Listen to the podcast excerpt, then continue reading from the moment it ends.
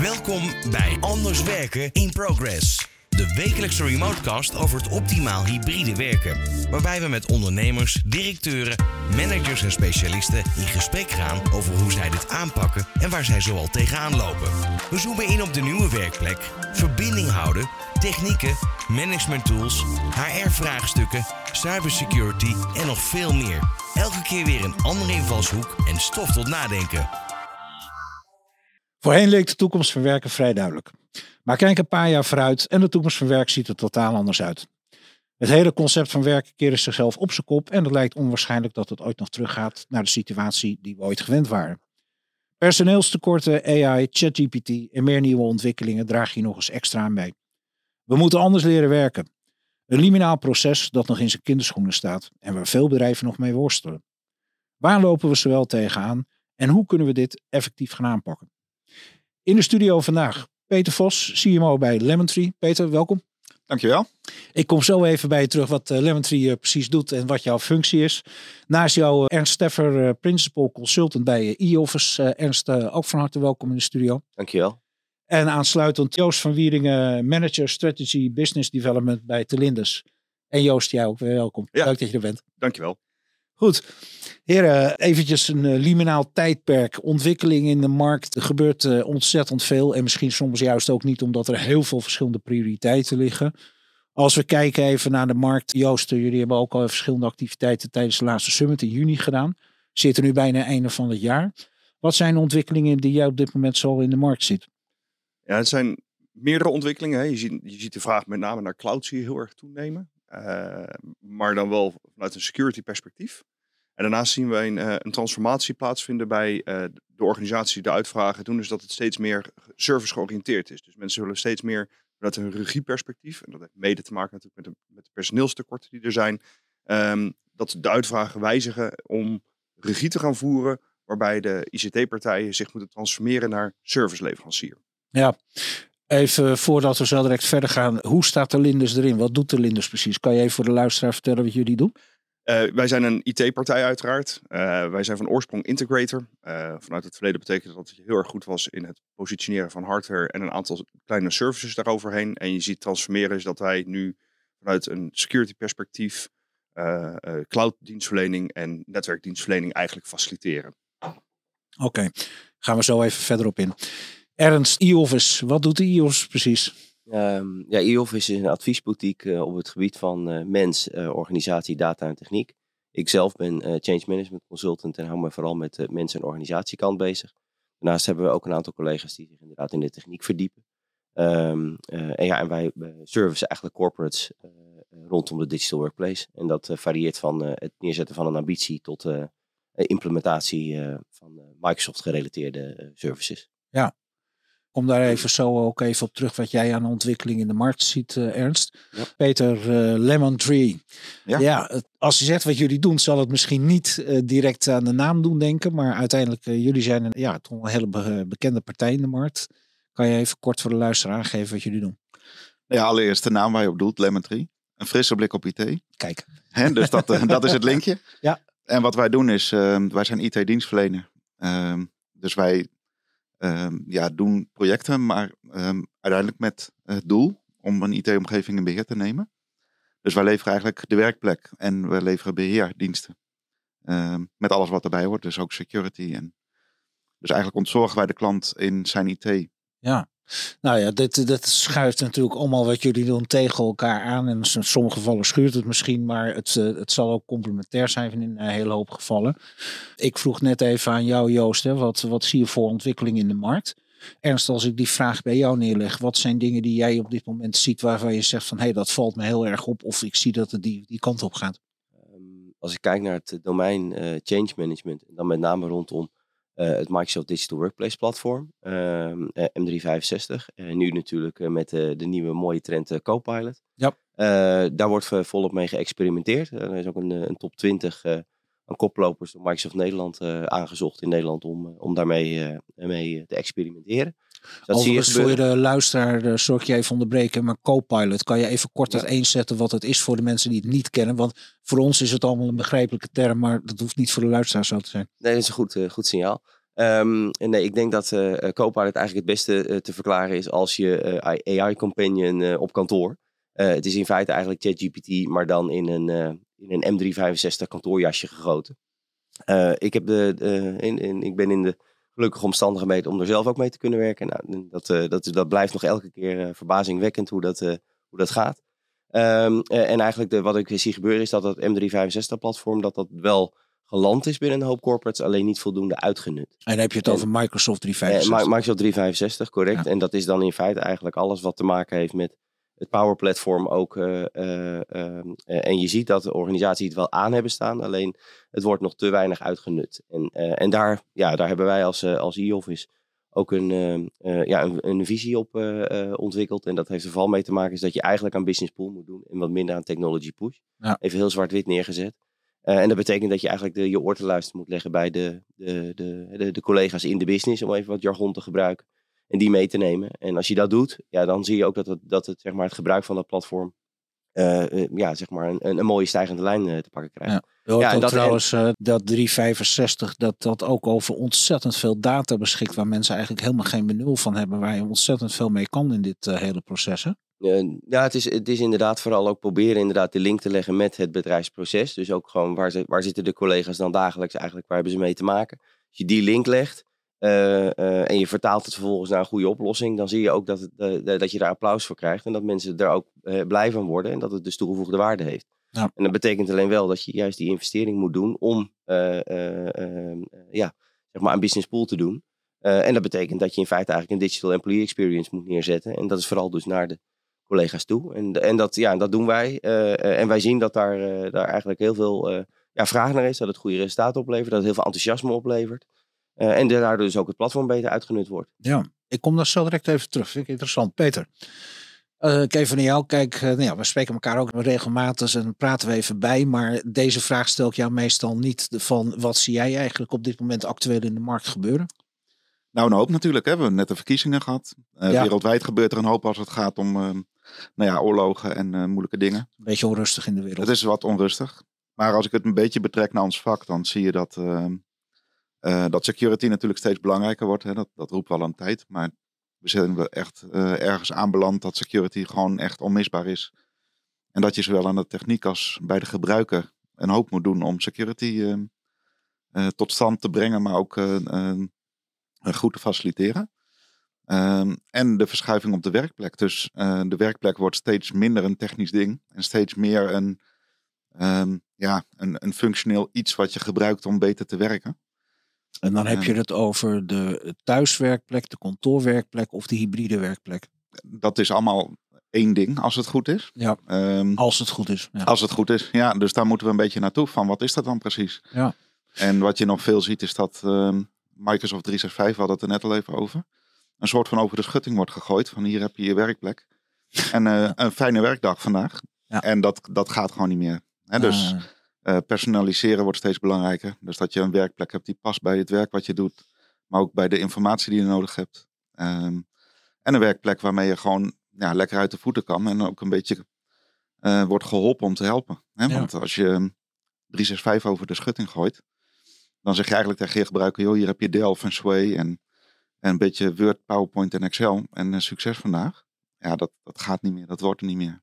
Nou, daar wil ik zo direct even wat dieper op ingaan. Ik wil als eerste eventjes, dan ga ik even naar jou terug Joost. Peter haalde net aan cybersecurity, belangrijker dan ooit. En toch hoor ik heel veel frustraties bij allerlei partijen, van de CCCR tot de Digital Trust Center tot een Marses, cyberverzekering. Maar ook een Microsoft die, die zeggen ja, we zijn een soort roepen in de woestijn. Hè, want het is, uh, het is heel belangrijk, maar dan komt er weer een rapport. Het gaat op de stapel, het belandt uiteindelijk onderop de stapel. Want wat je niet ziet, dat is er niet. Dat is lekker makkelijk. Dat is toch wel een zorg. Hoe kijk jij daar tegenaan, Joost? Ja, nou ja, een zorg. Ik weet niet of het direct een zorg is. Wat je, wat je heel erg ziet veranderen nu in de markt is, is dat er heel veel, uh, uh, nou, er worden heel veel condities neergelegd. dus je krijgt de bio-compliancy, je krijgt NIST, je krijgt NIST 2, uh, vanuit de ISO worden de zaken gepusht. Dus je krijgt vanuit heel veel verschillende kanten wordt er focus op aangebracht.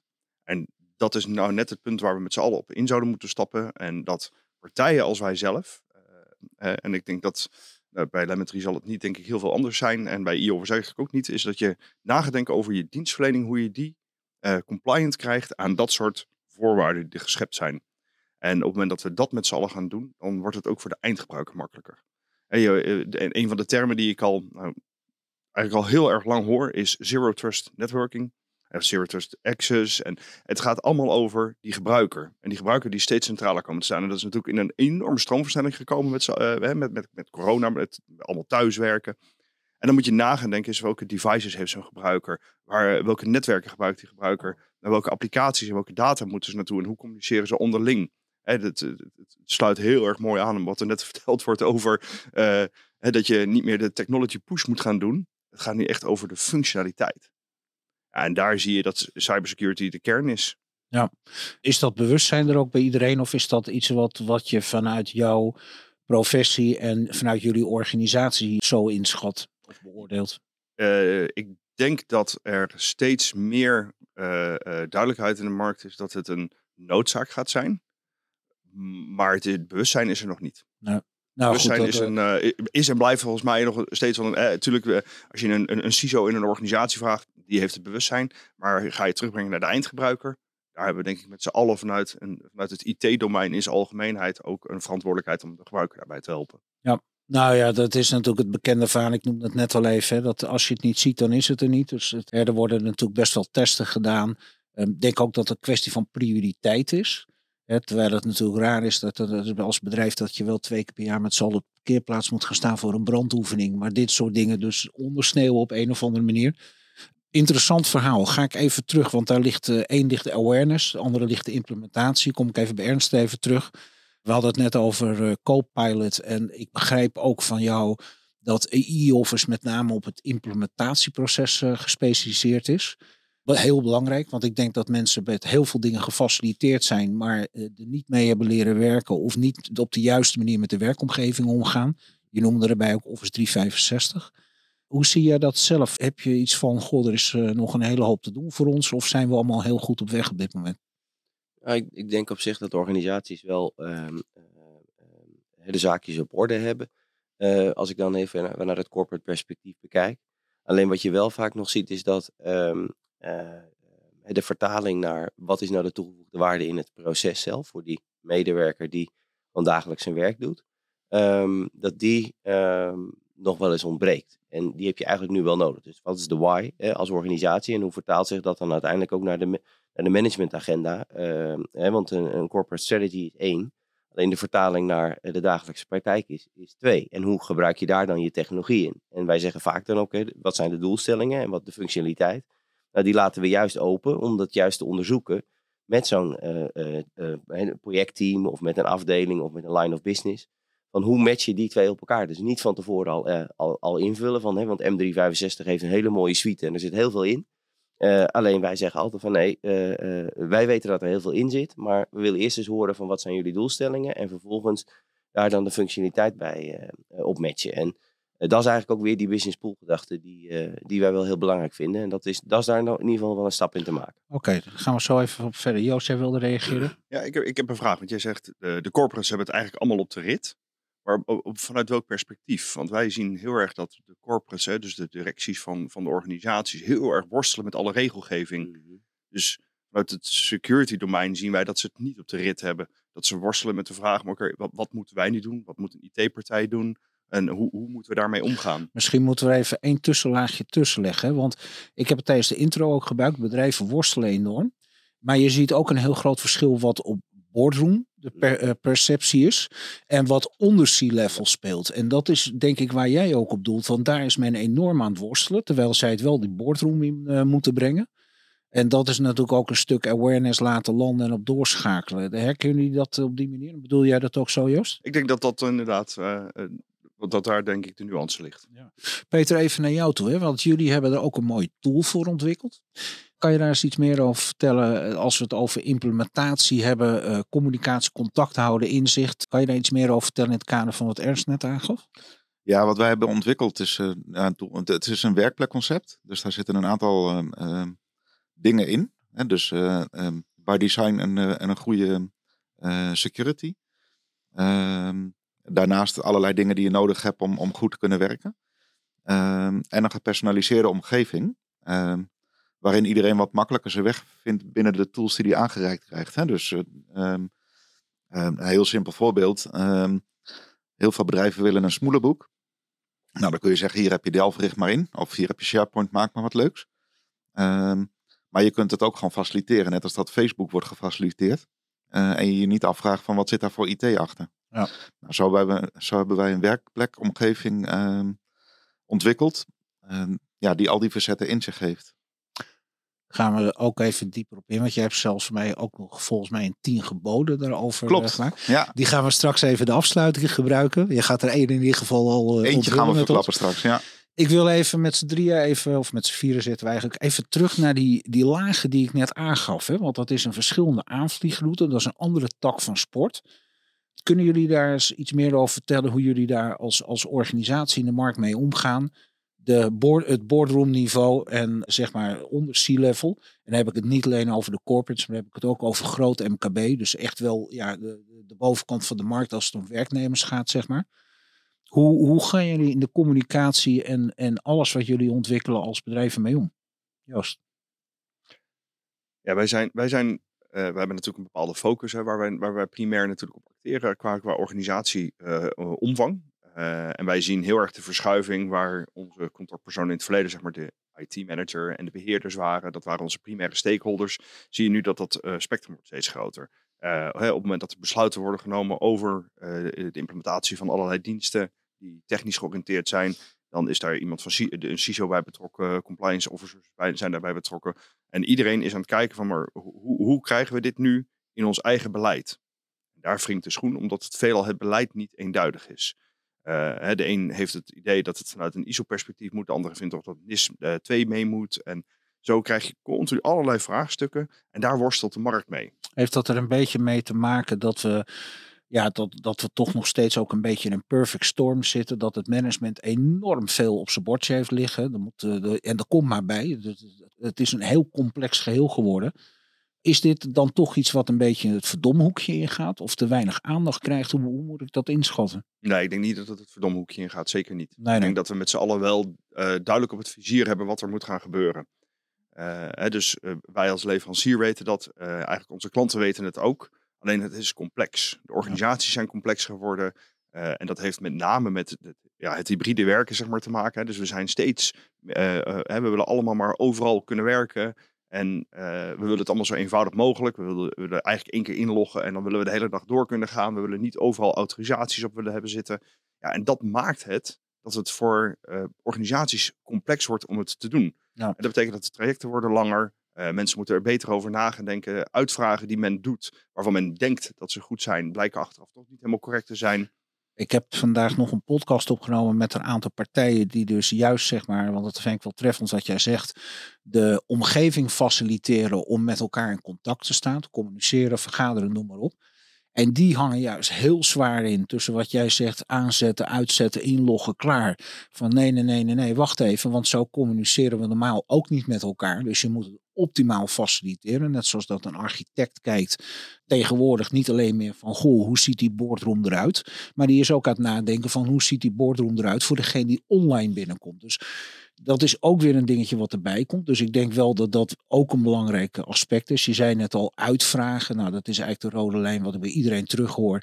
Beste management, ga terug die organisatie in. Ga uitvragen, inventariseren, analyseren en implementeren. Waar sta je nu waar moet je heen? Dat is een van de specialiteiten die jullie ook doen, geloof ik, hè, Ernst? Ehm, ja, inderdaad. Ehm, wij richten ons inderdaad in, eh, op, het, eh, op het meenemen van een organisatie van ambitie tot en met implementatie. Ja. Ehm, en eh, wat ik eigenlijk nog even wilde terugzeggen over terugkomen op het, op, het op orde hebben. Technisch is het wel op orde, merken wij. Dus het is, wat dat betreft is dat wel goed georganiseerd. Alleen die verbinding maken, die business pool, dat is eigenlijk de grootste uitdaging. En Volgens mij stipten we natuurlijk ook hybride werk al even kort aan. Ja. dat is nu voor heel veel corporates, want ja, dat is toch mijn domein, dus ik kan daar in ieder geval eh, wat over zeggen. Is dat, ehm, eh, dat zij juist heel veel moeite hebben met die verbinding vast te houden tussen collega's. Want je ziet vaak dat de jonge collega's, dan heb ik het over de, de millennials en de Gen Z, die zijn op kantoor, want die wilden juist die verbinding maken. Die willen nog mensen ontmoeten. En, eh, en, en laten we zeggen, degene die ze willen ontmoeten, de kenniswerkers, de, de, de 40 en de 50ers, die in feite hun positie al hebben geclaimd en hebben opgebouwd en toch wel worden gebeld, ja, die zitten gewoon thuis. Ja. En je merkt dus inderdaad dat, eh, eh, en dat is ook een van onze adviezen, inderdaad, om, eh, als je kijkt naar die, dat hybride werken, dat is niet meer alleen een IT-feestje. Het is in feite nu een bedrijfsuitje geworden. Ja. Een bedrijfsuitje wil zeggen dat FM en, ehm, en IT en HR en comms in feite eigenlijk in een, met z'n vieren in een, ehm, eh, ja, maar die hybride werkomgeving moeten mogelijk maken, moeten Nou, gaan faciliteren nog, voor het het is niet alleen dat zij, want je ziet, dat hebben we ook tijdens de laatste summit teruggezien, dat dat ook juist de doelgroepen zijn die naar de summit toekomen, Ja. die op zoek naar kennis zijn. Ja. Je ziet ook dat die, die groepen die jij net aangeeft, hè, HR, IT, facilitair, dat dat steeds meer in elkaar overgevloeid is. Vroeger was het ondenkbaar, denk ik, voor de meeste van jullie dat je met iemand van HR aan tafel zat. Eh, Wat heb je daar te zoeken? Maar het zijn allemaal domino-stenen die met elkaar in verbinding staan. Dat maakt het, het proces complexer, want iedereen moet ergens een plasje over doen. Ik hoor ook heel veel bij collega's van jullie en anderen in de markt van nou, als ik tegenwoordig ergens het gesprek in ga, dan stem ik van tevoren af dat ik al die groepen aan tafel heb Ja. zitten. Anders gaat het niet worden. Nou, ik zie jullie al knikken. Dat klinkt al heel herkenbaar. Teruggaand even naar mijn vraag, hè, want dan zit je op HR facilitair veelal onder C-level. Dus dat, dat, eh, waar ik het verschil maakte tussen boardroom en zeg maar de, de managementgroepen die het op moeten pakken en implementeren. Zijn zij ook in staat of zijn jullie ook heel erg bezig dat zij dat ook op dat niveau de boardroom in kunnen brengen? Dus een level hoog kunnen tillen? Ehm, ja, ik denk dat wat je nu eh, eigenlijk ziet, eh, meer en meer, is dat er eigenlijk binnen eh, de, de corporate wereld ook een behoefte ontstaat aan een chief digital officer. En dat is eigenlijk eh, ehm, eh, eh, een persoon die buiten het IT-domein staat. Want je hebt vaak nog steeds de maar dat de CEO, maar dat eh, ehm, wat, wat populair gezegd eh, zien wij dat vooral als het faciliteren en het goed faciliteren van gas, water en licht, om het zo te zeggen, binnen de IT-context. Maar je hebt eigenlijk die link naar het bedrijfsproces nodig. En daar, eh, en daar zie je, hè, ook, ook, neem even ChatGPT en nu Copilot. Dat heeft gewoon heel veel impact op, je, op je businessmodellen. Ehm, hoe, hoe gaan we daarmee om? eh, Het domino-effect. Eh, eh, de- nou, ja, Ja. Zeker. En, en dat betekent dat er eigenlijk dus iemand binnen de board eh, die verantwoordelijkheid moet hebben. Nou, en ehm, daarvan hebben wij ook gezegd, nou, die zou een DEX-team, een Digital Employee Experience Team, onder zich moeten hebben. Waarbij dus eigenlijk de componenten HR, eh, FM en IT en comms eh, elkaar weten te vinden. En, eh, en dat DEX-team, dat kan dus op die manier die business pool doen. Want die, dat zijn dus in feite mensen die gepokt en gemazeld zijn om, naar de, om helemaal outreachend te zijn, organisatie op te zoeken en te zorgen dat die technologie ook goed wordt gebruikt en Ja. toegepast. Peter, een Chief Digital Officer en het eh, DEX-team, hè? zeg ik het goed? Ed? Ja, het, het zijn voor mij eh, de laatste, met name is even een nieuwe. Maar de Chief Digital Officer, die heb ik ook niet 1, 2, 3 voorbij eh, horen komen. Eh, en? Goed Ja. plan? Wij hebben, ik denk in 2016, een dienst ontwikkeld die heet ehm, a Virtual CIO. Ehm, en wat diegene doet, ehm, wij hebben al langer ontdekt dat als je diensten gaat leveren, ehm, dan moet je eigenlijk een plan hebben. Marketing heeft een plan, sales heeft een plan, maar de IT-afdeling vaak niet echt een concreet plan als ambitieniveau vertaald naar IT. En dan blijf je dus technische spulletjes leveren. Dus wat we hebben gedaan, is eh, dat we eigenlijk aan de basis van uitbesteding van beheer zeggen van joh, we willen wel goed begrijpen waar je naartoe wil met je IT.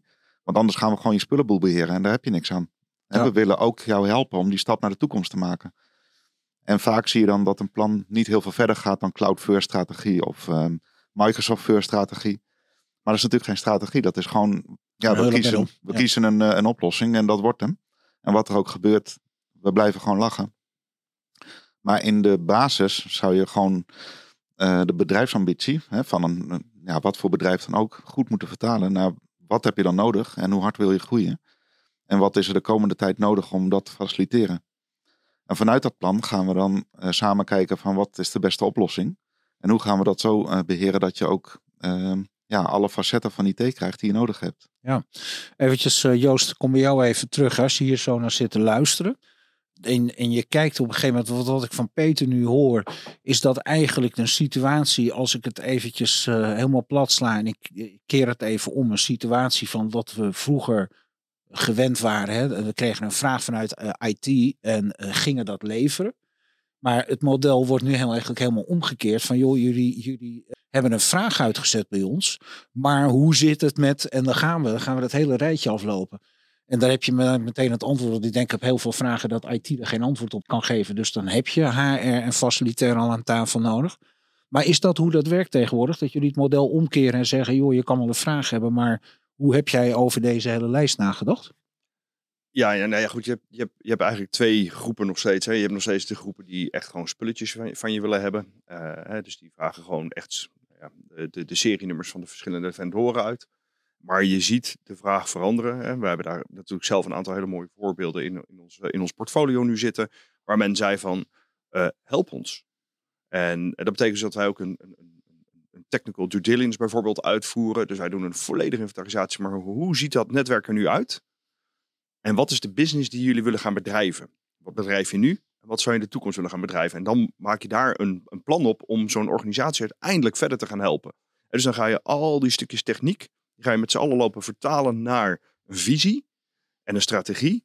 En dan van daaruit ga je weer door naar beneden. Want uiteindelijk heb je wel wat bouwblokken nodig die, die in zo'n dienst verwerkt zitten. Maar dat is de, de, de nieuwe aanpak die wij gewoon zien in de markt. Is de toekomst nog dezelfde toekomst zoals wij die kenden? Je zegt net hè, van hoe moet dat er in de toekomst uitzien?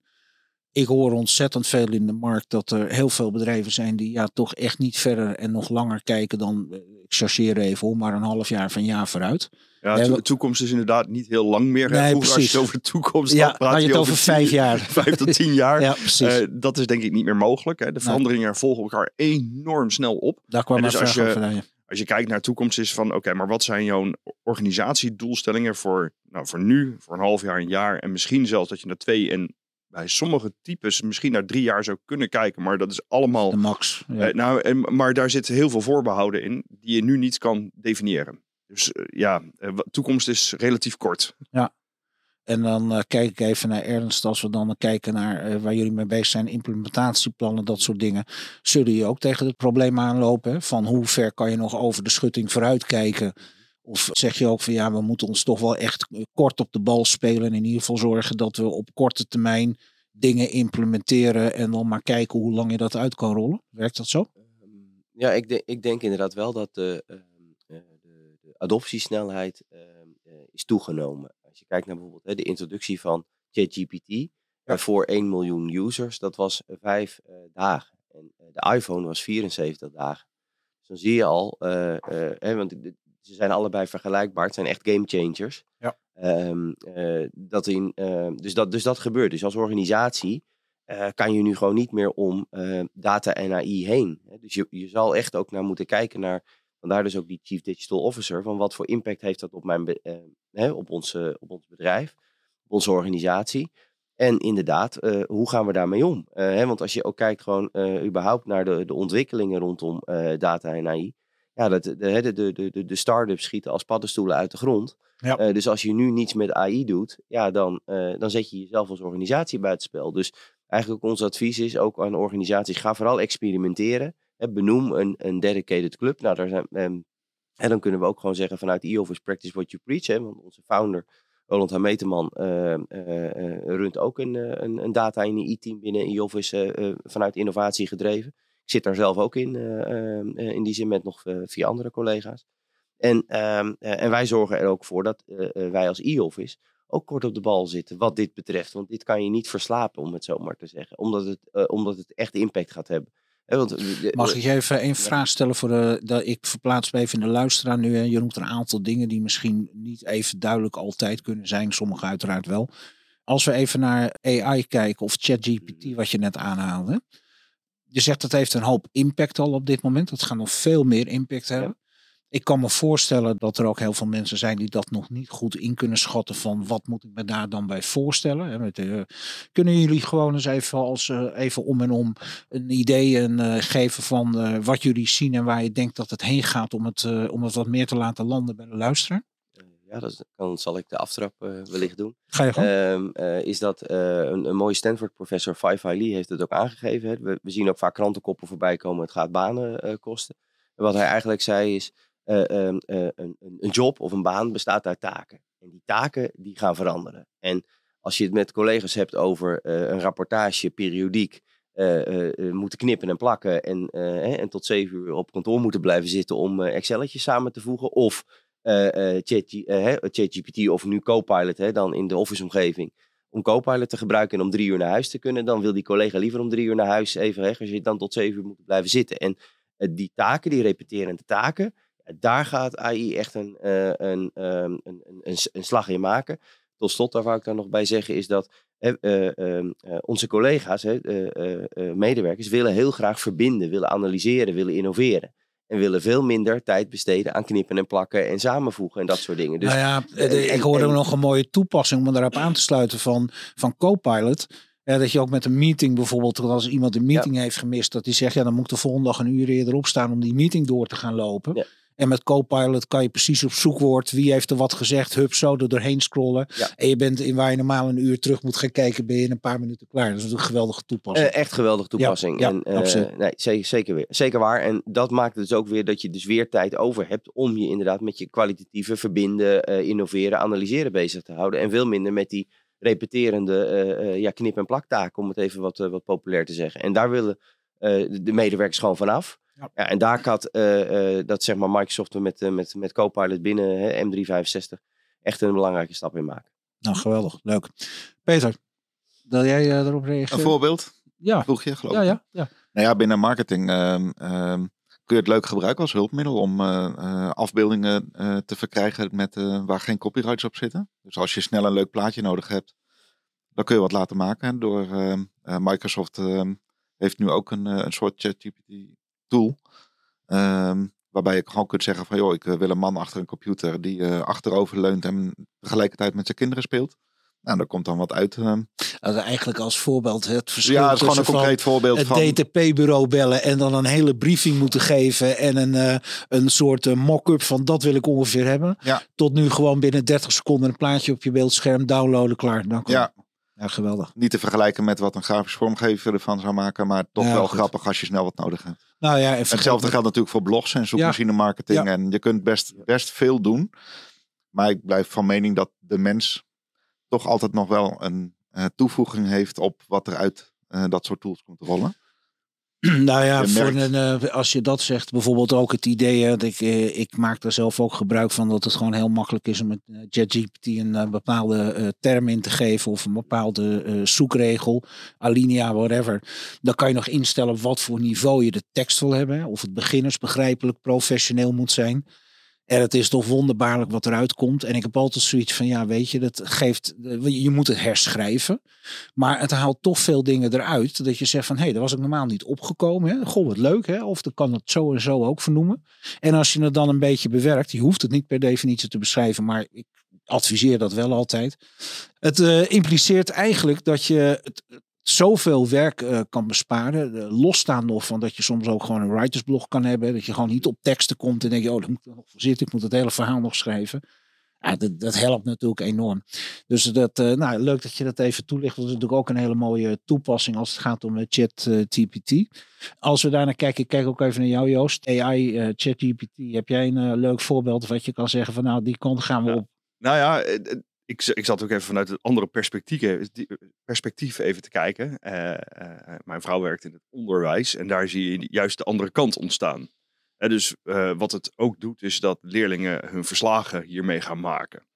Um, en dat betekent dat ze steeds minder snappen van wat ze zelf doen. Hè? Dus de context gaat verdwijnen van wat ze hebben geleerd. Want ze gooien er wat zoekkreten in, krijgen een verslag, plakken het in een, in, in een Word-bestand of in een PowerPoint en het wordt opgestuurd.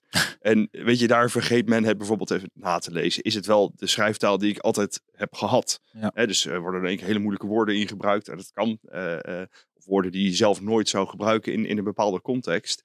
Ja, dus, dus ik zie daar ook iets ontstaan.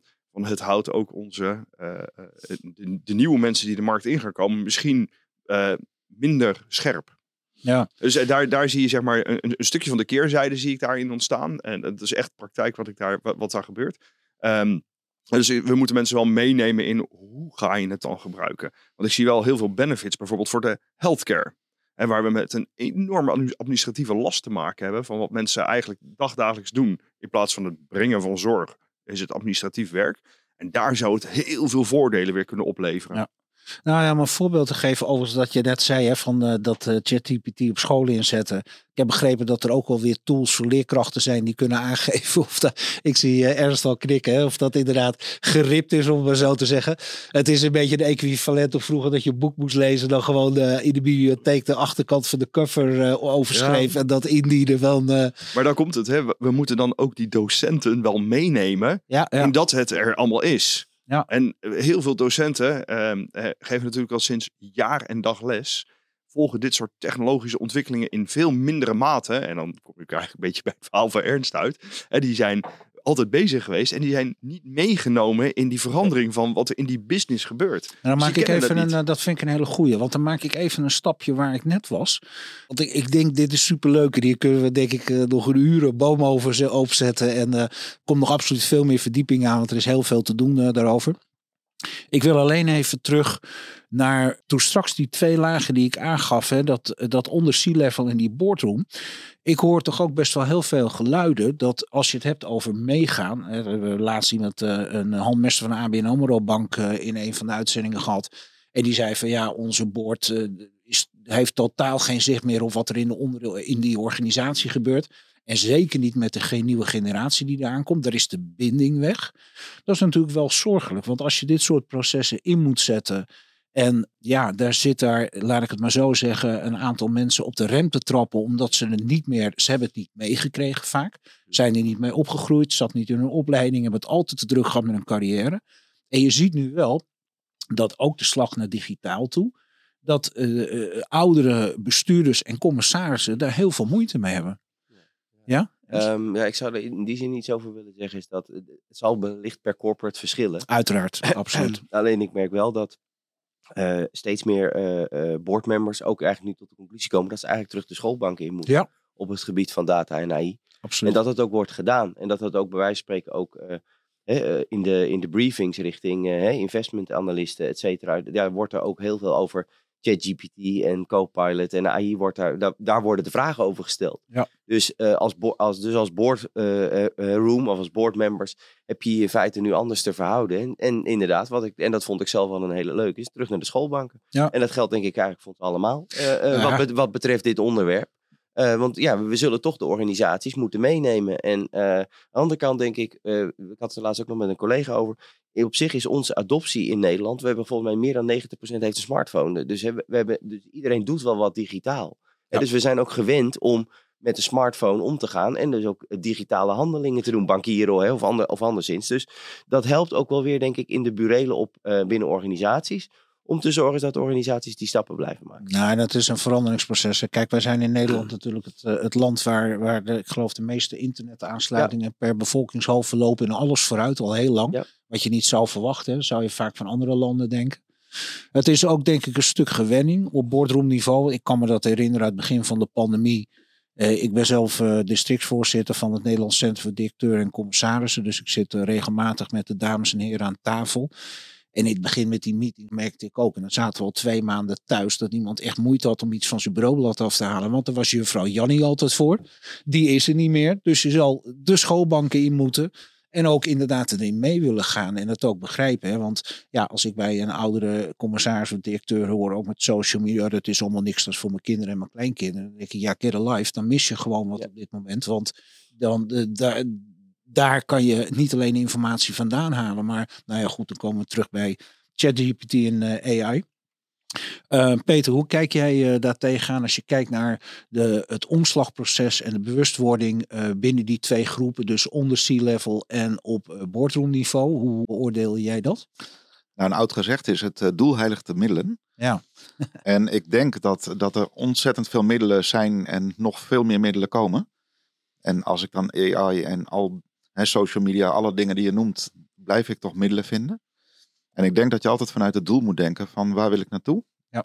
Met mijn organisatie en met mijn club. En als je dat goed voor ogen hebt, dan kun je beter inschatten of de middelen erbij passen. En ik zou willen voorkomen dat AI een doel wordt. En wat jij net aangeeft van we moeten er iets mee gaan doen. Ik denk niet dat je er iets mee moet gaan doen. Ik denk als er een doel is wat, um, wat verantwoord, dat je er iets mee gaat doen. Hè? Bijvoorbeeld, uh, we krijgen heel vaak dezelfde vragen. Kunnen we dat met AI niet wegautomatiseren? dan heb je daar een doel mee. Want je kunt mensen sneller helpen en het wordt waarschijnlijk een beetje goedkoper. Maar om nou te zeggen van joh, ik ga me morgen de hele dag verdiepen in AI, want ik moet er iets mee. Denk ik, ik wil er wel eerst graag een doel bij hebben. Ja, dat nou, geldt steeds meer ook voor IT. Ehm, ik denk dat in de boardroom ehm, mensen goed moeten nadenken over waar wil ik met mijn bedrijf naartoe, waar wil ik met mijn mensen naartoe, hoe werkt de nieuwe generatie. En dan gaan nadenken wat voor technische middelen passen daarbij en hoe gaan die mij helpen om te komen waar ik over vijf jaar wil staan. Ja.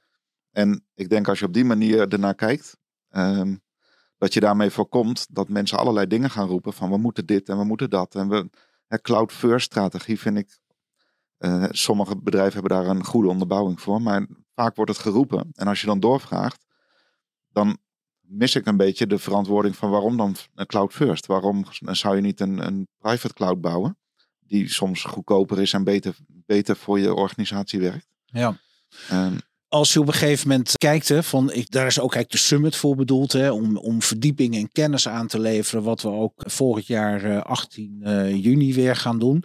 In de tussentijd hebben we eh, dit soort podcasts, we hebben radio-uitzendingen waar we steeds verder de diepte in eh, willen gaan. Dus eh, zullen daar bij jullie ook weer een keer op terugkomen om te kijken, nou, waar staan we nu, hè, wat kan je hier meer over delen? En beter nog, wat zijn de ontwikkelingen, want het gaat natuurlijk ontzettend snel allemaal.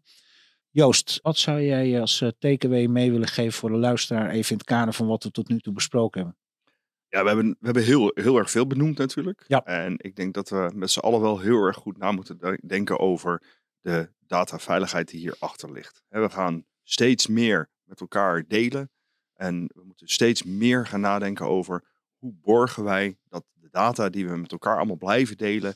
eh, en die we overal en nergens opslaan op verschillende devices. Hoe gaan we daarvoor zorgen dat dat beveiligd blijft? Dat is denk ik voor mij de grote takeaway die erin zit. Daar zien wij ook de grote trend zitten in de markt. Dat is een hele mooie om daar eh, volgende keer eh, de verdieping op eh, in te gaan. Dus eh dankjewel eh tot zover. Ernst, wat zou jij nog als takeaway de luisteraar mee willen geven? Ehm, nou, ik denk dat ik toch nog wel even in die zin ook dat wil koppelen aan eh, de, de opmerking die net nog werd gemaakt over eh, je moet iets met AI gaan doen.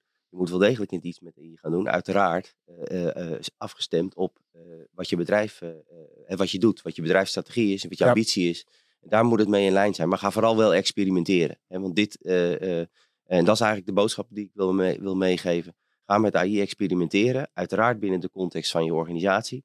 Met uiteindelijk binnen de context van je ambitie. En ga dan kijken wat dat inderdaad voor je kan brengen. Want ja, als je, gezien ook de adoptie en, en de impact die het gaat hebben, is dit niet iets wat je wil missen als organisatie. Misschien nog even daar een korte vraag op. Wij hebben laatst ook een keer een eh, presentatie eh, ergens gehad. En dat ging over AI en eh, ChatGPT. En ik merkte toch dat er heel veel mensen daar eigenlijk nog niet echt aan gesnuffeld hadden.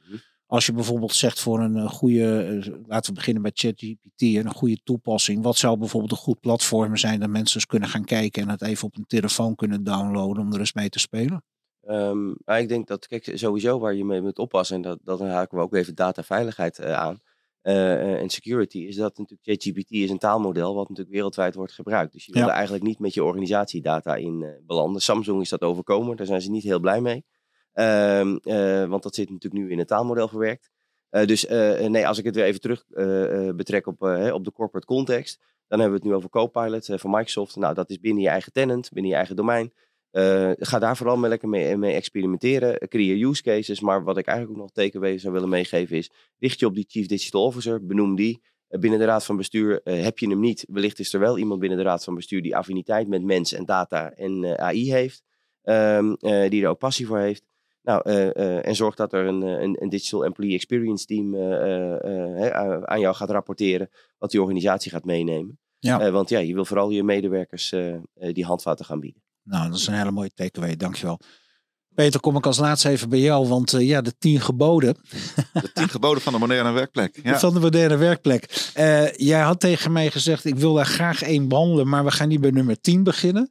Dus zou je er één willen behandelen en die jij als takeaway mee willen geven voor de luisteraar als eh, afsluiting van deze uitzending? Maar Zullen we dan gewoon bij de eerste beginnen? Nee, het lijkt me ook het meest logisch. Nou, dat is zorg voor een waanzinnige user experience. En Dat klinkt een beetje vaag en algemeen. Maar ik zeg maar eh, zo, als je je computer aanzet en je ziet een bureaublad van Windows of eh, Apple Macintosh, dan heb je toch wel een beetje een kans gemist. Want daar had ook je eigen bedrijf kunnen staan. Ehm, hè, qua informatie, qua eh, leuke dingen. een hele omgeving, zeg maar, om mensen bij je bedrijf te betrekken. Ehm, maar het houdt ook in, gooi niet Microsoft 365 over een schutting, maar zorg dat mensen functioneel werken met de tools die ze aangereikt krijgen. En val ze niet lastig met allerlei mogelijkheden in een tool waarvan je denkt van ja, wat moet ik ermee? Ja. Dus dat was de eerste. Nou, uh, op naar nummer twee zou Ja. ik zeggen. Jullie allemaal eh, eh, Mag ik vragen wanneer, ja, de, tuurlijk. wanneer de volgende dan komen? December. 15 december zijn we er weer. Dus eh, wordt vervolgd. Ik kijk even op de klok en moet nu gaan afsluiten. We hebben al ruim eh, 46 minuten op de teller staan. eh, en eh, ik denk ook dat, eh, dat dit even als aftrap voor dit onderdeel een heel mooi begin was. Ik wil je in ieder geval eh, ontzettend bedanken voor jullie tijd en eh, moeite en de komst naar de studio. En we horen graag meer. Dank jullie wel. Graag gedaan. Graag gedaan. Leuk dat je weer hebt geluisterd. En volgende week zijn we weer met een nieuwe Remotecast. Deze aflevering wordt mede mogelijk gemaakt door de Anders Werken Summit en haar partners. Heb je een aflevering gemist? Of wil je zelf deelnemen aan onze live events en netwerken? Kijk dan voor meer informatie anderswerkensummit.nl